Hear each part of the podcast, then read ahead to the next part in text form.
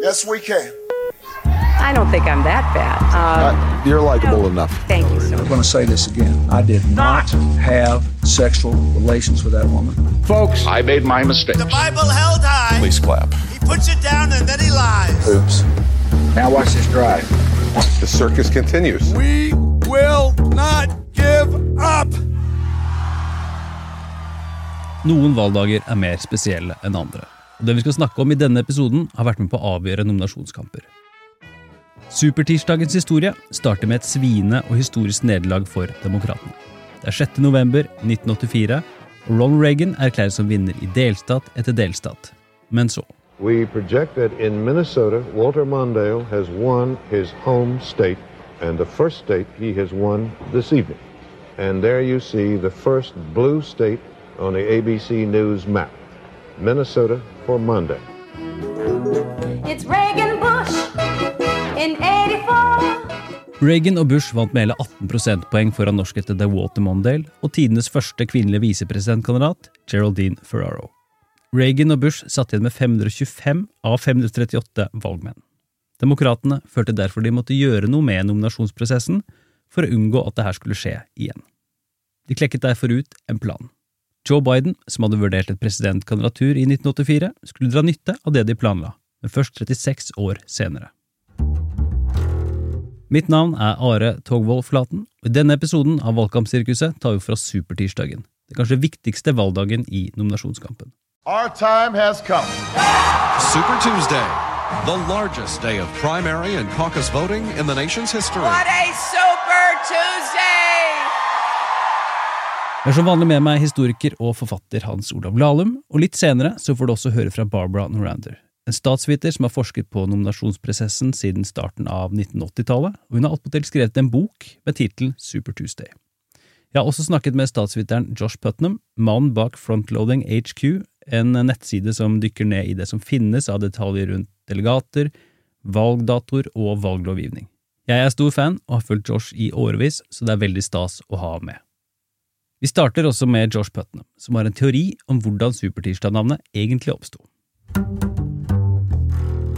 um, if memory serves, it, it was a, a media creation um, fairly early on. Det er en eh, god teori, for i 1988 så kjørte nemlig de store TV-kanalene på med egne jingler, grafikk og bred dekning. Super Tuesday. Primaries and caucuses across the nation. Dette er jo en sånn gradvis utvikling, for man begynner jo med disse primærvalgene har man jo hatt fra eh, godt over 100 år tilbake, altså 1890-1900-tallet. Men eh, det fikk jo en ny form da, fra begynnelsen av 70-tallet, og så var det litt å få det til å gå seg til. Og så er det vel egentlig 1984 man regner for starten på supertirsdagene, men da var det tre stykker av dem, da. Så det var jo en idé om å konsentrere det eh, og ha noen eh, stater som eh, så å si avtalte at man skulle ha valg samtidig, og at det skulle gi en økt oppmerksomhet, at de da var del av noe større, osv. Og, og så var det jo også en argumentasjon rundt dette med at én og én delstat både var litt upraktisk og ga, og, og ga uforholdsmessig stor makt til noen delstater. da Iowa ble jo et sånn klassisk eksempel på, eh, på, det, etter hvert. Men det var jo en gradvis prosess hvor det utvikla seg, og det har også variert hvilken form det har. Så sent som i 2016 så opererte man vel egentlig med to supertirsdager med, med litt mellomrom.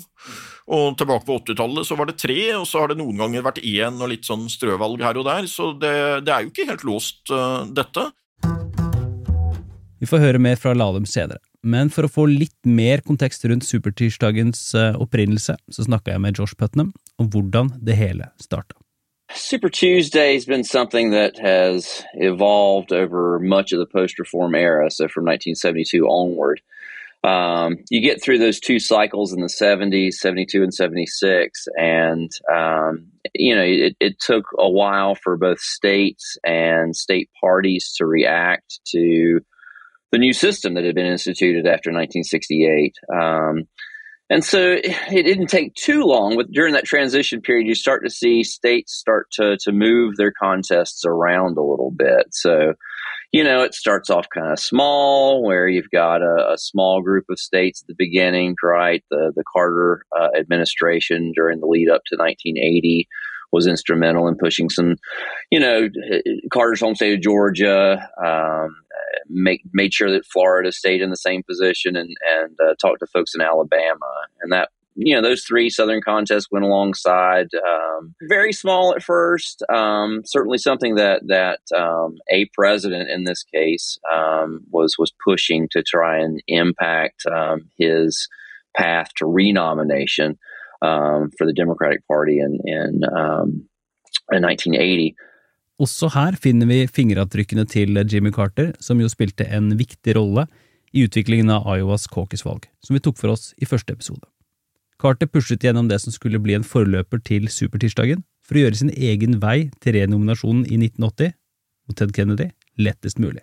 You know, it really picks up steam in the time after 1980. Um, there was an idea that that um, certainly stretched back into the 1970s um, but but came to fruition uh, for the '88 cycle when um, a, a, fairly unified uh, set of Democratic actors on the state level across the the vast majority of the the southeastern United States opted to try and, and hold their their contest at the same time. And the impetus behind that was, you know, uh, Southern uh, Democrats at the time uh, were, were were and still are to some degree uh, conservative, uh, moderate to conservative anyway. Um, and and the thinking was, look, if we want to uh, keep folks who have been traditional Democrats in the Democratic column, um, and and to not vote for for Republicans as they had uh, throughout the seventies, um, you know, maybe maybe we should uh, uh put our contest early um, and and affect the process in a way that that produces a, a, a conservative or moderate nominee who can win in the fall. And that way the party would have a, a Democrat in the White House. Barbara Norander, som er en autoritet på valgdagens historie, plukker opp tråden. In 1988, um, it was an effort by the southern states to coordinate their um, primaries and caucuses on the same day in hopes that that would um, perhaps give uh, somewhat more conservative candidates a chance of winning. And this was particularly an interest of the Democrats at the time, who still had control of many of the southern legislatures.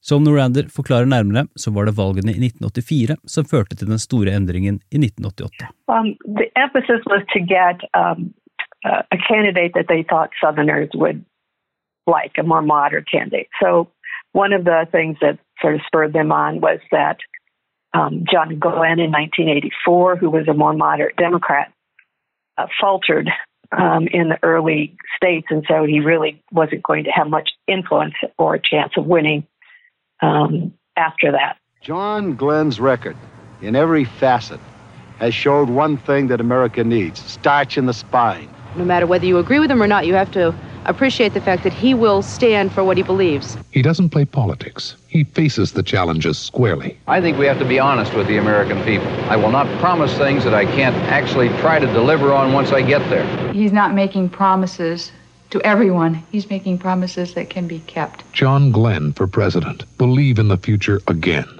Ohio-senatoren John Glenn hadde bakgrunn som astronaut, og han var den tredje amerikaneren i verdensrommet og den første om bord et romfartøy som gikk i bane rundt jorda. Han halta stygt etter Iowa og New Hampshire. Han var populær i mange sørstater, men de lå spredt senere i valgkalenderen. Demokratene endte altså opp med Mondale, og mange mente de hadde valgkalenderen å takke for nederlaget som kom i november.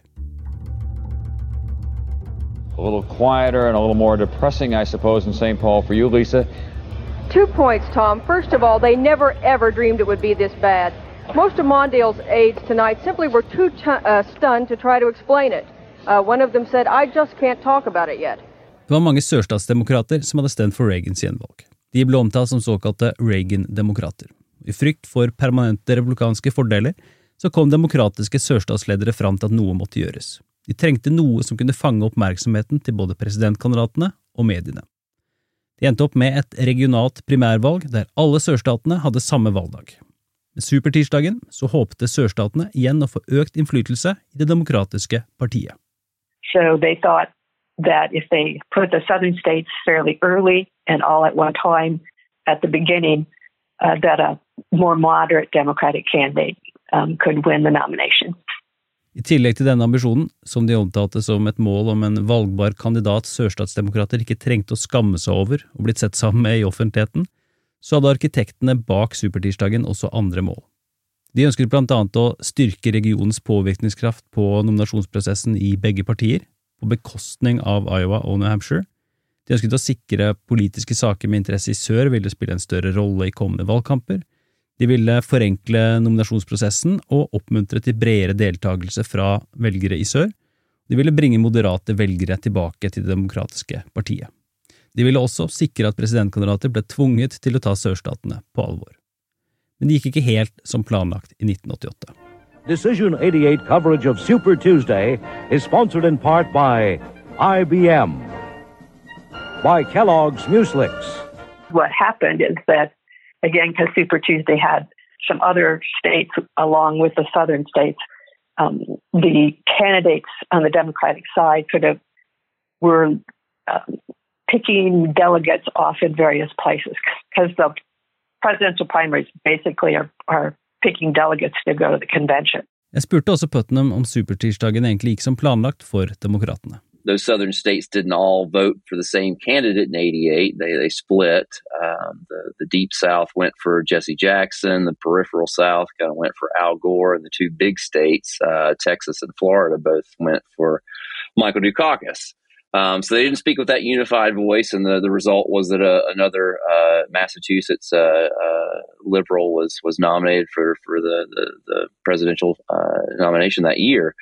Um, but but uh, you know while it did backfire i think by 1988 that that thinking had really taken root um, on the state level among a variety of actors whether it's in, in state parties or, or state legislatures På NBCs supertirsdagssending i 1988 så ble lederen av Det demokratiske partiet i Florida spurt om hva han tenkte om utfallet. Charlie Whitehead, you were one of the architects, one of the fathers of Super Tuesday. Uh, is Super Tuesday an orphan, or are you claiming paternity tonight? Well, Ken, I think one of the greatest things that's happened in Super Tuesday is that the Republicans have nominated uh, a, a, candidate that we can certainly run against by nominating Bush. Uh, no, it hasn't been everything we'd hoped it'd be, but it hadn't been that much of, uh, of a mess either. Demokratene oppnådde ikke det de var ute etter ved første forsøk, og i årene som har gått, har også supertirsdagen endret seg. The, the 1992 calendar did produce a, a conservative or moderate nominee in Bill Clinton, um, but but it hasn't really gone that way in the time since then, right? Um, in, in competitive Democratic nomination races. So in 1992 and thereafter, you see some of those southern states kind of move back in the process, but other states, a more diversity uh, or a more uh, regionally diverse group of states, start to eye that that early um, or an early position on the calendar, right? So I mean, you know, first Tuesday in, in March, basically. And we've seen states that have gone in and out of those positions over time with, with ebbs and flows to, as to, to how big the grouping is. Her har eh, Barbara Norander et tilleggspoeng som er med på å forklare den ulike sammensetningen av delstater på supertirsdagen fra år til år.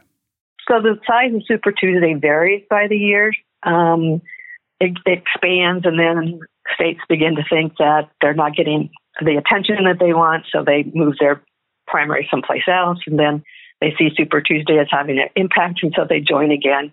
So it expands and contracts over the years. Det som ikke har endra seg, er at supertirsdagen er den valgdagen der det kjempes om flest antall delegater i begge partier. But it, it continues to be and to have been the biggest collection of, of contests and delegates at stake um, over the course of, of uh, the, the intervening years. And the impact that has is that you're talking about a fairly early date on the calendar that allocates a lot of delegates. And if if one candidate has kind of seized momentum by that point, they stand a good chance of of not wrapping things up, but certainly putting a lot of distance between themselves and the folks who are also vying for the, the nominations at that point. Supertirsdagen har etter hvert vist seg å gi mer innflytelse til svarte demokratiske velgere, ettersom mange av de hvite, moderate velgerne på 1980-tallet har blitt republikanere. En av de som nøt godt av det, var Joe Biden i 2020. I likhet med John Glenn i 1984 så kom han haltende ut av Iowa og New Hampshire. Det starta med en svak fjerdeplass i Iowa.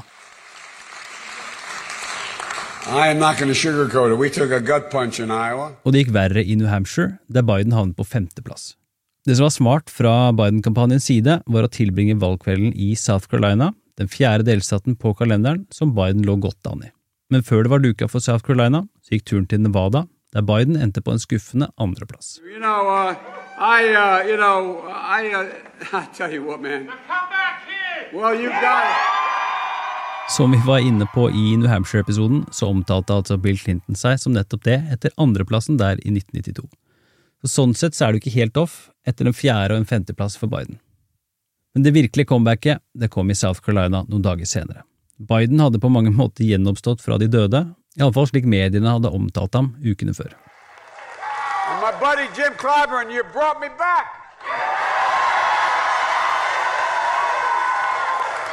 Just days ago, the press and the pundits had declared this candidacy dead.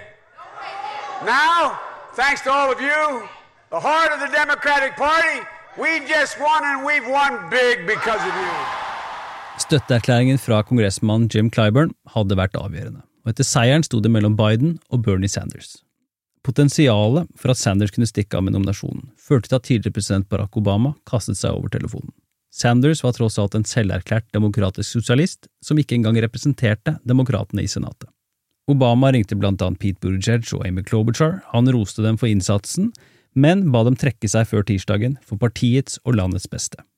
Mayor Pete, som hadde fulgt opp førsteplassen i Iowa med en andreplass i New Hampshire, en tredjeplass i Nevada og en fjerdeplass i South Carolina, trakk seg 1. mars. Dagen etter, kvelden før supertirsdagen, ga han sin støtteerklæring til Biden. Amy Klobuchar kastet inn håndkleet og støttet Biden samme kveld. Biden vant deretter 10 av 14 delstater på supertirsdagen, inkludert Klobuchars hjemstat Minnesota, der Klobuchars tilhengere stemte på Biden slik hun hadde bedt dem om. Biden vant 121 flere landsmøtedelegater enn Sanders den dagen, og han tok et solid steg i retning av nominasjonen.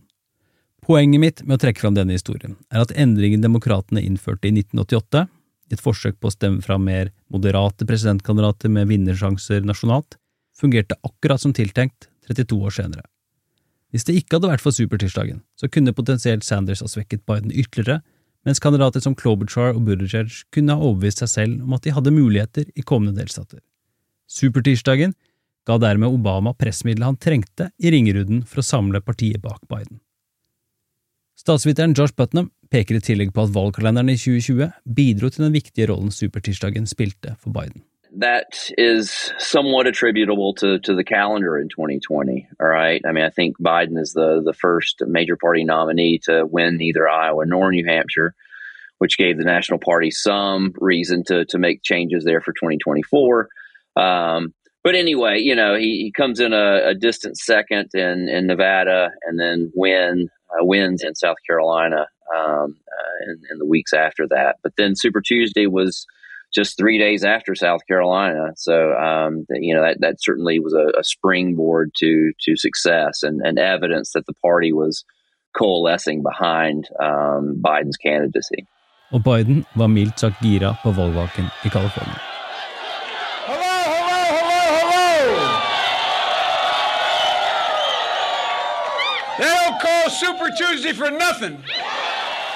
Han leverte deretter en av de morsommere Biden-blemmene jeg kan komme på. By the way, this is my little sister Valerie, and I'm Jill's husband. Oh no, this is oh you switched on me. This is my wife. This is my sister. They switched on me. Biden tok altså kona i hånda mens han snakka om søsteren, men løste det pinlige øyeblikket så godt han kunne. Like etterpå så var det like før Biden leverte et nytt Dean-skrik, som Howard Dean i West Des Moines i 2004.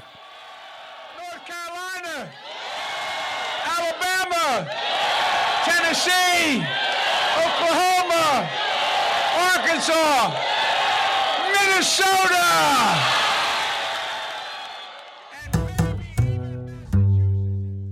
Faktisk satte jeg meg ned og så over lista når jeg skulle forberede til dette, og jeg kan faktisk ikke se at det har skjedd at den som ble vinneren på supertirsdagen i moderne tid, ikke har vunnet nominasjonen. Men det har jo vært noen år hvor det var ganske relativt jevnt på supertirsdagen. da, Hvis du går tilbake til eh, situasjonen med Obama og Clinton tilbake i 2008 f.eks., så fikk man jo ikke det klare utslaget som man har fått en del andre ganger. Uh, og også denne striden mellom Men den striden mellom Hillary Clinton og Bernie Sanders også i 2016, så var det typisk uh, notert at Clinton vant 7-4 mot Sanders på den første supertirsdagen og så 5-0 på den andre. Så det var liksom en klart uh, forsterkende effekt der, da. Men det har vært jevnt noen ganger og et litt blanda bilde, og da har selvfølgelig begge parter prøvd å fremstille at dette egentlig var en seier for dem. Men eh, hvis man ser på matematikken og hvem som har vært vinneren, så har det alltid vært eh, samsvar der. Så 5. mars 2024 blir en nøkkeldag, og det er en tredel av delegatene som står på spill da, deriblant et par av de aller største statene. Viktigheten av supertirsdagen har blitt kritisert av ulike årsaker de siste tiårene. Barbara Norander oppsummerer det slik. Well, there's some criticism that it's, it's sort of too big, um, and it um, favors candidates that have more resources. So the candidates who have raised more money, um, things along that line, um, are able to compete more effectively in this huge uh, arena of all these states. Um, it kind of um, leads to to uh, somewhat superficial campaigning because there was this phrase of tarmac campaigning that candidates would go from one airport to another and have little brief conferences to get on the local news um, rather than something that would be more meaningful. En av sørstatsdemokratenes mål med opprettelsen av den sørstatstunge supertirsdagen i 1988 var som nevnt å minske innflytelsen til Iowa og New Hampshire. Det finnes utallige eksempler på at arkitektene ikke har lykkes med det siden 1988, men de lyktes definitivt med det i 2020. Joe Bidens suksess i 2020 og gjenvalgsambisjonene hans i 2024 ser også ut til å ha tatt det enda et steg lenger ved å hoppe over begge delstatene og heller begynne i South Carolina. Det var det vi hadde om supertirsdagens historie. Legg gjerne igjen en anmeldelse om du liker Valgkampsirkuset, slik at vi kan nå enda flere. Sure. Det er også veldig hyggelig om du tipser en venn eller kollega om å høre på. Okay.